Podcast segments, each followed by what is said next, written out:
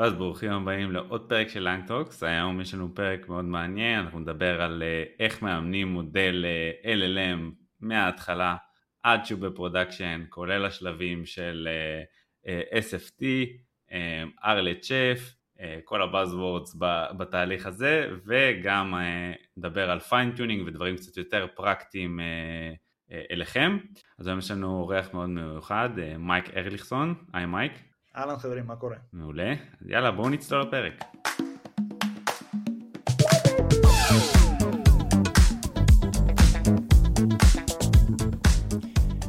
שלום מייק, כיף אה, לארח אותך. בוא תספר לנו קצת עליך. שלום, אני מייק ארליכסון, אני כרגע עובד כ principal data science ו- AI Tech Lead בחברה שנקראת Soul Security. אתם, אתם יכולים אה, להכיר אותי מהסקירות שאני כתבתי, כתבתי כמה, כמה עשרות סקירות, הקמתי את ה... מה שנקרא, אפשר לקרוא לזה מותג, Deep Night Learners, שכתבתי כמה עשרות אה, מתקרב למאה סקירות אה, בעברית של אה, מאמרי Deep Learning וגם הקלטתי כמה פודקאסטים, אני גם משתף הרבה תכנים גם בלינקדאין וגם בפייסבוק במגוון נושאים, אה, כולם, הרוב קשורים ל deep learning וזהו. אז דבר ראשון מייק, אני הייתי קורא הרבה את הסקירות שלך, אז תודה עליהם, מפשט מאוד את החיים של data science. היום אנחנו נדבר על אה, נושא מאוד מאוד מעניין, נדבר אולי אפילו אפשר לחלק את זה לכמה נושאים, אבל אה, בואו נתחיל בנושא של איך מאמנים מודל large language model. בעצם אה, כל התהליך, נתחיל קצת מה זה בעצם fine מה זה RLHF, מה זה SF, SFT, בואו תעשה לנו סקירה כזה של high level חיי מודל large language model מה-inception עד production. אוקיי. אז קודם כל השלב הראשון של אה, אימון LLM הוא בעצם pre-training. מה זה pre-training? זה משהו שקל מאוד אפשר להסביר. לוקחים dataset, בדרך כלל dataset מאוד מאוד גדול של טרות, עשרות טרות, אולי יותר, אה, אז מאות ביליונים עד טריליונים של אה, טוקנים, ואז פשוט מאמנים את המודל לעשות פעולה מאוד מאוד פשוטה, שזה חיזוי הטוקן הבא, אוקיי? מריצים את האימון, זה שלב שהוא שלב מאוד יקר, צריך אה, אלפי GPU ים, TPU ים, זה לוקח זמן, לאמן מודל שפה גדול של מאות ביליוני פרמטרים ועוד טריליוני פרמטרים יכול לקחת חודשים, זה השלב הראשון בעצם, אוקיי? ואז אנחנו בעצם מקבלים מודל שנקרא בדרך כלל base model, אוקיי?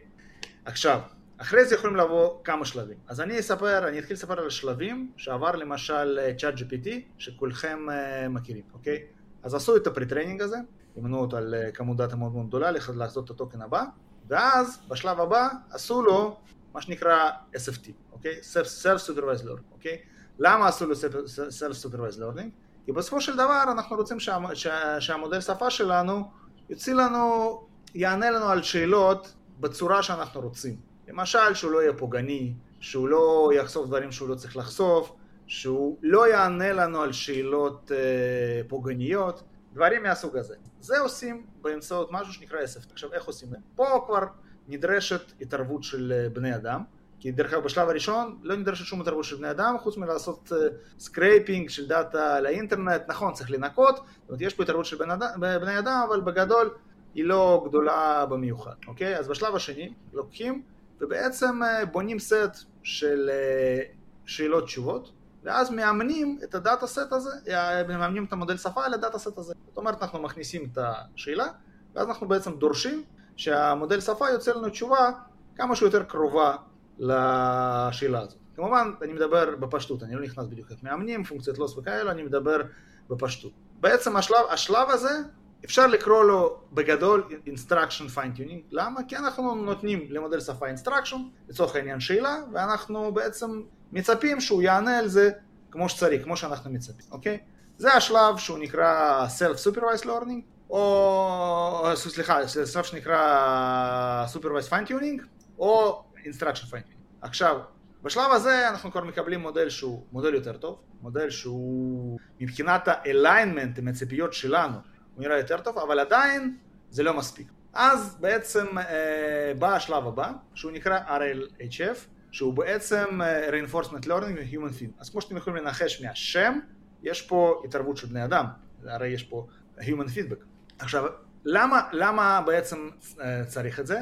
כי מתברר שה-SFT, או Supervised Fine זה לא מספיק. עדיין המודל לא מספיק, לא מספיק בשל. עדיין המודל אה, נותן תשובות לא, לא טובות על, על אה, לא מעט שאלות. זאת אומרת, המודל עדיין, עדיין לא מספיק aligned. אז בעצם בשלב של RLHF אנחנו בעצם גורמים למודל להיות יותר aligned עם הציפיות שלנו. בוא נגיד, יש מושג של alignment, אני לא רוצה להיכנס לזה, אני אומר שהוא יהיה aligned מיושר עם הציפיות שלנו מהמודל שפה. אז איך זה בעצם עובד? אני אסביר את זה כמובן בראשי פרקים, ממש בכמה משפטים.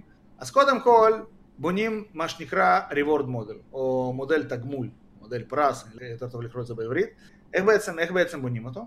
לוקחים, אה, לוקחים אה, מודל שפה, שואלים אותו איזושהי שאלה, ואז מודל שפה עונה בעצם שתי תשובות. קודם כל אה, אפשר לדגום ממודל שפה, שתי תשובות שונות, ואז משיבים בני אדם, והבן אדם הזה הוא בעצם מדרג את השאלה, מה, מדרג את התשובה, מה, מה התשובה יותר טובה. יש שתי שאלות, תשובה א' יותר טובה, או תשובה ב' יותר טובה. זו משימה שהיא לבני אדם יחסית פשוטה, ואז בעצם בונים דאטה סט גדול כזה של תשובה, של שאלה, תשובה יותר טובה, תשובה פחות טובה, זה יכול להיות uh, uh, כמה.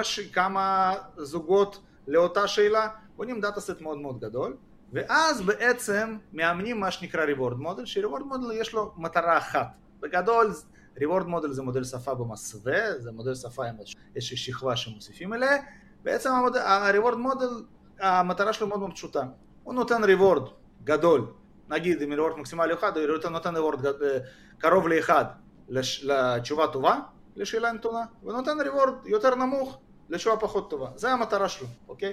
מאמנים את המודל הזה, שזה כמו שאמרתי זה מודל שפה במסווה, ואז בעצם לוקחים את המודל הזה, reward model, ומקפיאים אותו. עכשיו יש את השלב הבא, שאנחנו עושים בעצם reinforcement learning. למה אנחנו עושים reinforcement? אנחנו עושים reinforcement learning, המטרה שלנו לעדכן את המודל שלנו, שהוא יהיה יותר aligned עם הציפיות שלנו אה, למודל. עכשיו, מכיוון שבמהלך האימון, המודל כל הזמן משתנה, ובמהלך האימון, איך אנחנו מאמנים את המודל? אנחנו מאמנים את המודל בשביל למקסם את ה-reward, אוקיי? ואז המודל כל הזמן משתנה, אנחנו ממשיכים לדגום מהמודל שמשתנה, והמטרה שלנו בעצם להגיע, להגיע למצב שבעצם התשובות שהמודל מוציא, יש להם reward גבוה. ויש פה, וזה מה שנקרא תרחיש קלאסי ל-policy reinforcement learning, אוקיי? ויש שיטה שנקראת PPO שעושים את זה, זו שיטה איך לעשות את זה, ויש פה דבר מאוד מאוד חשוב, שהמטרה שלנו זה לא רק למקסם את ה... לקייל מודל שפה כדי למקסם את ה-reward, אנחנו רוצים שהמודל שפה הזה יהיה קרוב למודל שפה שקיבלנו בשלב הקודם, אוקיי? אנחנו לא רוצים עכשיו לאמן מודל שמקסם את ה-reward באופן מה שנקרא בלי שום מגבלה, אנחנו רוצים את הרגולריזציה הזאת וזו נקודה קריטית ומאוד מאוד חשובה כי אם אנחנו לא עושים את זה, ואני ראיתי כן לפחות מאמר אחד שכן ניסו לעשות את זה, מקבלים מודל שפה שמקסם את ה-reward וזה דוגמאות אדברס, אדברסריאליות, שזה או שקשקושים או שדברים לא טובים, זאת אומרת חייבים, חייבים בעצם להשיג את שתי המטרות, ולקבל גם reward גבוה וגם קרבה למודל שפה שהוא נכנס אחרי שלב של S. זה השלב השלישי ובעצם המודל נגיד GPT שלוש וחצי זה המודל שאתם מקבלים. עכשיו יש כאן מודל של GPT שלוש וחצי והשלב האחרון אתם רוצים עכשיו להתאים אותו למשימה שלכם, אוקיי? אתם למשל עובדים בחברת תיירות, לצורך העניין Booking.com, ואתם רוצים עכשיו לאמן צ'אטבוט, שידבר עם אנשים. מבחינתנו, מבחינתכם, המודל לא מעניין שהוא יודע מתמטיקה, שהוא מבין פה, מבין שם, מה שמעניין אתכם, אתם רוצים מה שנקרא לעשות, לעשות לו התמקצעות או התמחות רק, ב, רק, רק, רק בנושא של תיירות, ואז אתם בעצם עושים לו fine-tuning על הדאטה שלכם, ואז אתם מקבלים מודל שהוא מתמחה בתיירות. זה בעצם השלבים העיקריים. מעולה. אז ככה ב... בסקירה ככה קצרה, בעצם דיברנו על ארבעה שלבים, נכון? זה ראשון היה pre-training, אחרי זה דיברנו על Supervised Fine-Tuning, אחרי זה על אה, Reward Modeling, שזה איזשהו חלק, אה, שלב נלווה, הוא לא אימון על המודל עצמו, אה, והשלב האחרון זה ה- RLHF.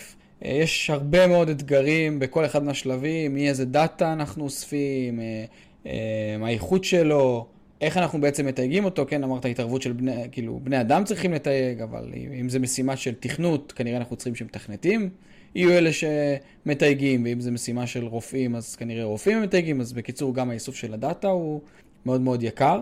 אמ, בוא רגע אז אה, באמת אה, נתמקד טיפה ב-RLHF. אז אה, בחלק האחרון בעצם של התהליך, מה בעצם, ה... מה בעצם הנקודות שבהן כדאי להשתמש ב-RLHF ו-Fine-Tuning הוא לא יהיה מספיק?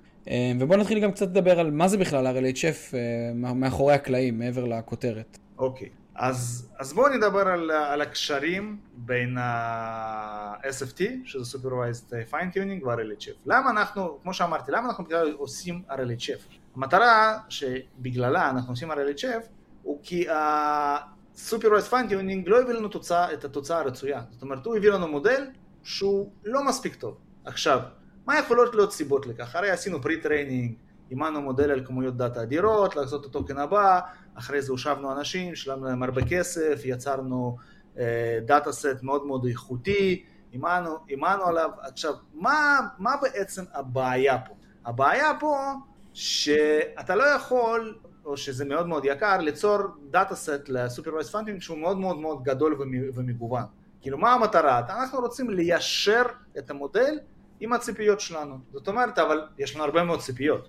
זה לא שאנחנו רוצים ליישר את המודל עם הציפיות שלנו בתחום, ה, אני לא יודע, רהיטים, או בתחום הפוליטיקה, אנחנו רוצים שהמודל יהיה מיושר עם הציפיות שלנו בכל התחומים, זאת אומרת אנחנו צריכים להראות לו הרבה מאוד דוגמאות איכותיות, ואנחנו צריכים להראות לו הרבה, הרבה, הרבה מאוד דוגמאות שהן מגוונות מכל מיני תחומים, ואז הציפייה שלנו היא שהמודל ילמד מכל המגוון הזה, ויהיה יותר מיושר במגוון תחומים עם הציפיות שלו. עכשיו, מה הבעיה עם זה? כי כמו שאמרתי, קשה מאוד לבנות, לבנות את ה-dataset הזה, אתה צריך data בכמות גדולה, data מאוד מאוד איכותי, אתה צריך להושיב אנשים שיעשו את העבודה הזאת, ואז בא ה-reinforcement learning. למה אנחנו צריכים את ה-reinforcement learning? כי פה בעצם אנחנו, uh, ב-reinforcement learning יש לנו את ה-reward model, ש-reward model הוא בעצם מחליף את האנשים האלה, הוא בעצם החלופה לאנשים שיושבים ומתייגים, זאת אומרת אנחנו אומרים טוב, אין לנו מספיק כסף לשלם לאנשים, אנחנו בעצם רוצים שיבוא איזשהו AI,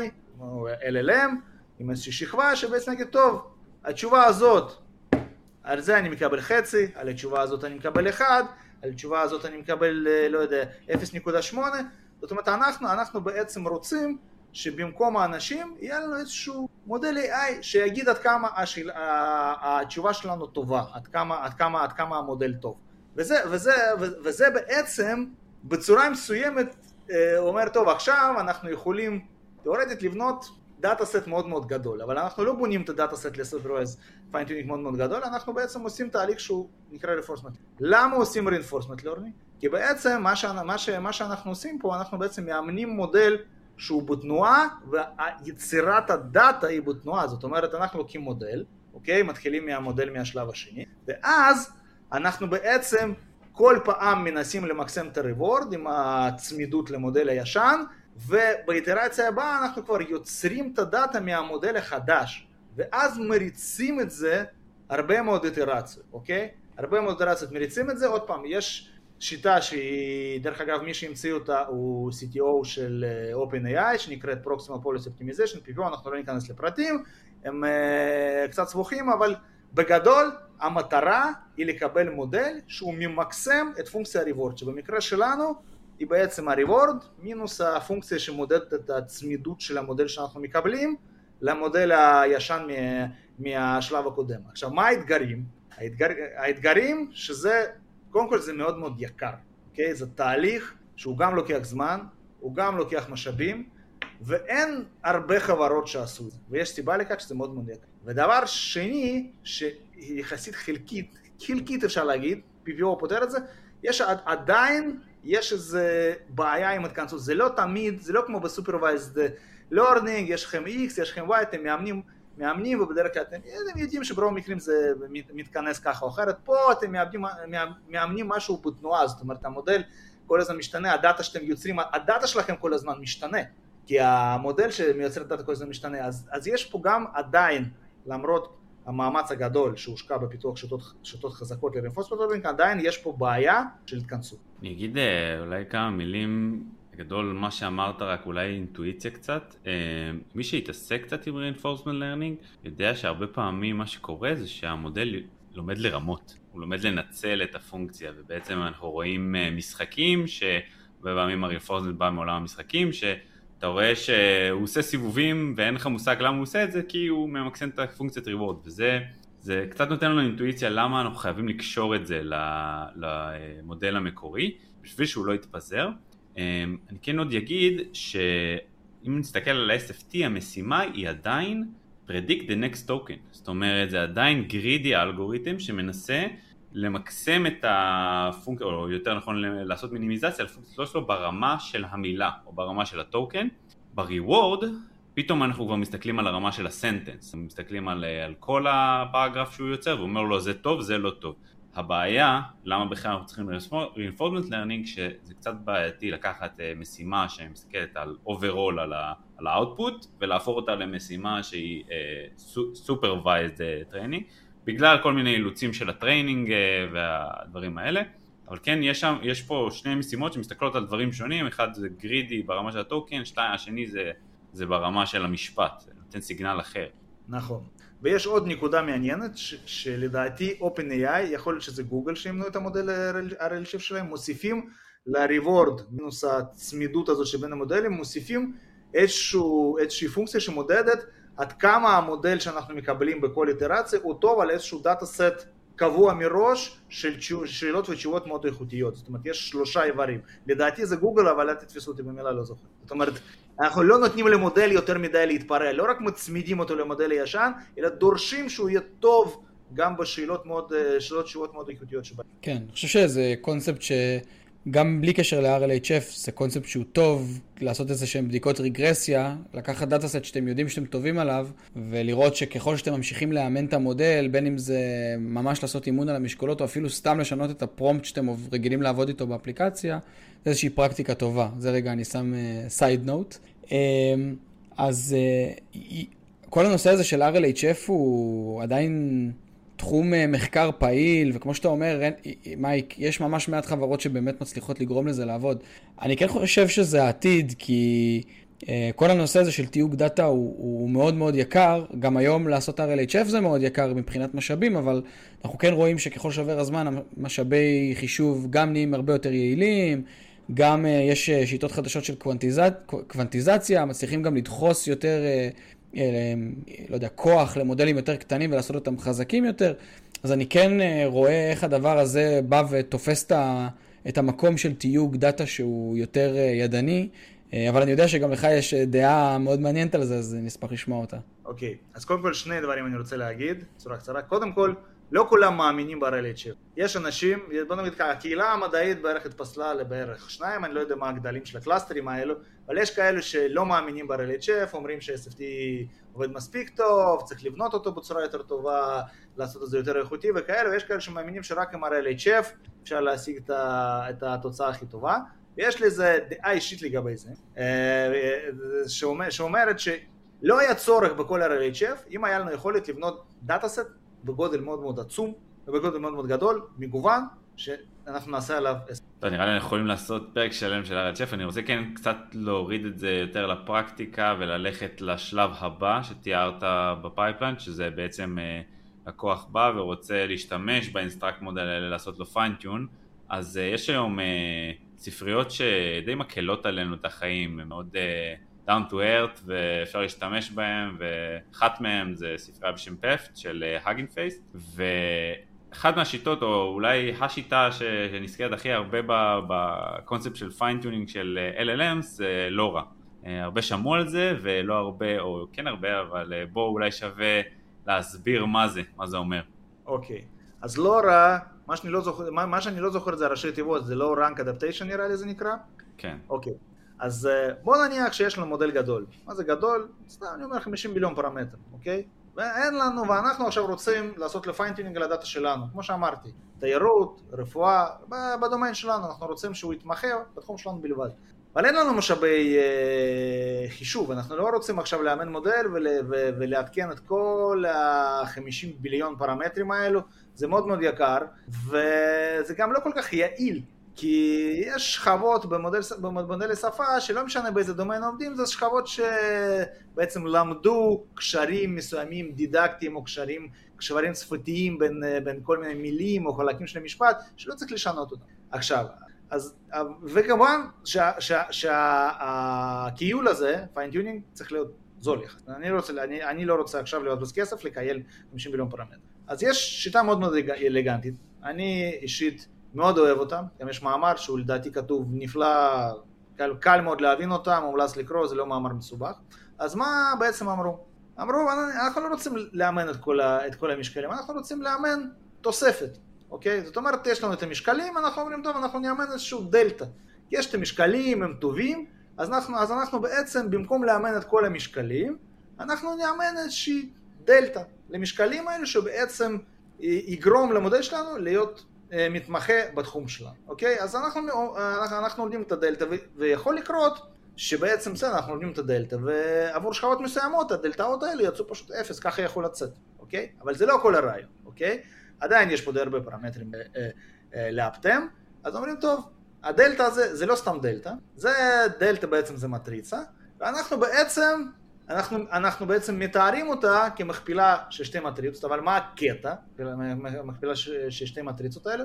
המכפילה נבנית בצורה כזאת שאנחנו בפועל צריכים ללמוד הרבה הרבה פחות פרמטרים, בגלל זה יש את המילה ה-low run כזה, אז אנחנו בעצם לומדים את הדלתא, אבל לא כל הדלתאות, אלא דלתאות כאלו שניתן ללמוד אותם על ידי למידה של מספר מאוד מאוד, אה, הרבה יותר קטן, הרבה יותר קטן מהמספר הפרמטרים המקורי של המשקלים. זה כל הקטע של לורה, לא, לא עכשיו לאפטם או לקייל 50 מיליון פרמטרים, לאפטם אחוז מזה, זה כבר אפשר לקבוע, אפשר לשחק עם זה. זה השיטה. אני אישית מאוד אוהב את השיטה הזאת, יש גם שיטה שהיא נקראת QLoRA, שמלבישה על הדבר הזה קוונטיזציה, אולי נדבר על זה קצת. כן, אני אתן אולי, אה, תתק לי קצת פרקטיקה של הדבר הזה.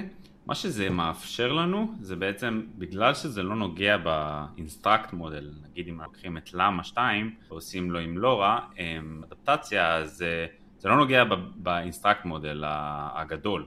ואז מה שאני רואה שאנשים עושים זה אתה יכול לקחת אפילו איזשהו hosted, אפילו חיצוני, כל עוד הוא כן יכול להוציא לך את ה embedding של, אה, של למה, ובעצם ממש לאחסן אצלך רק את המשקולות שלו, אתה ממש יכול לעשות אפילו על CPU, אתה לא חייב GPU, ופתאום יש לך עכשיו כוח עצום, יש לך, אתה יכול לעשות mixture של כאלה, שהם כל אחד fine tune על, על pipeline אחר, ב, אם אתה נגיד בונה על LLM application, אנחנו מדברים הרבה על LangChain, אז כל, כל חלק כזה הוא... Uh, הוא איזשהו fine tune, ותכלס אתה מחזיק רק את המשקולות האלה, רק את המשקולות של הלורה, אתה יכול להחזיק את זה על ה-CPU שלך, ה inference יחסית מהר, כי אין, אין הרבה אה, משקולות. אה, זה נותן לנו איזשהו פתח לבאמת כוח עצום בידיים, בלי תשלום עליו. לי זה גם מזכיר... אה...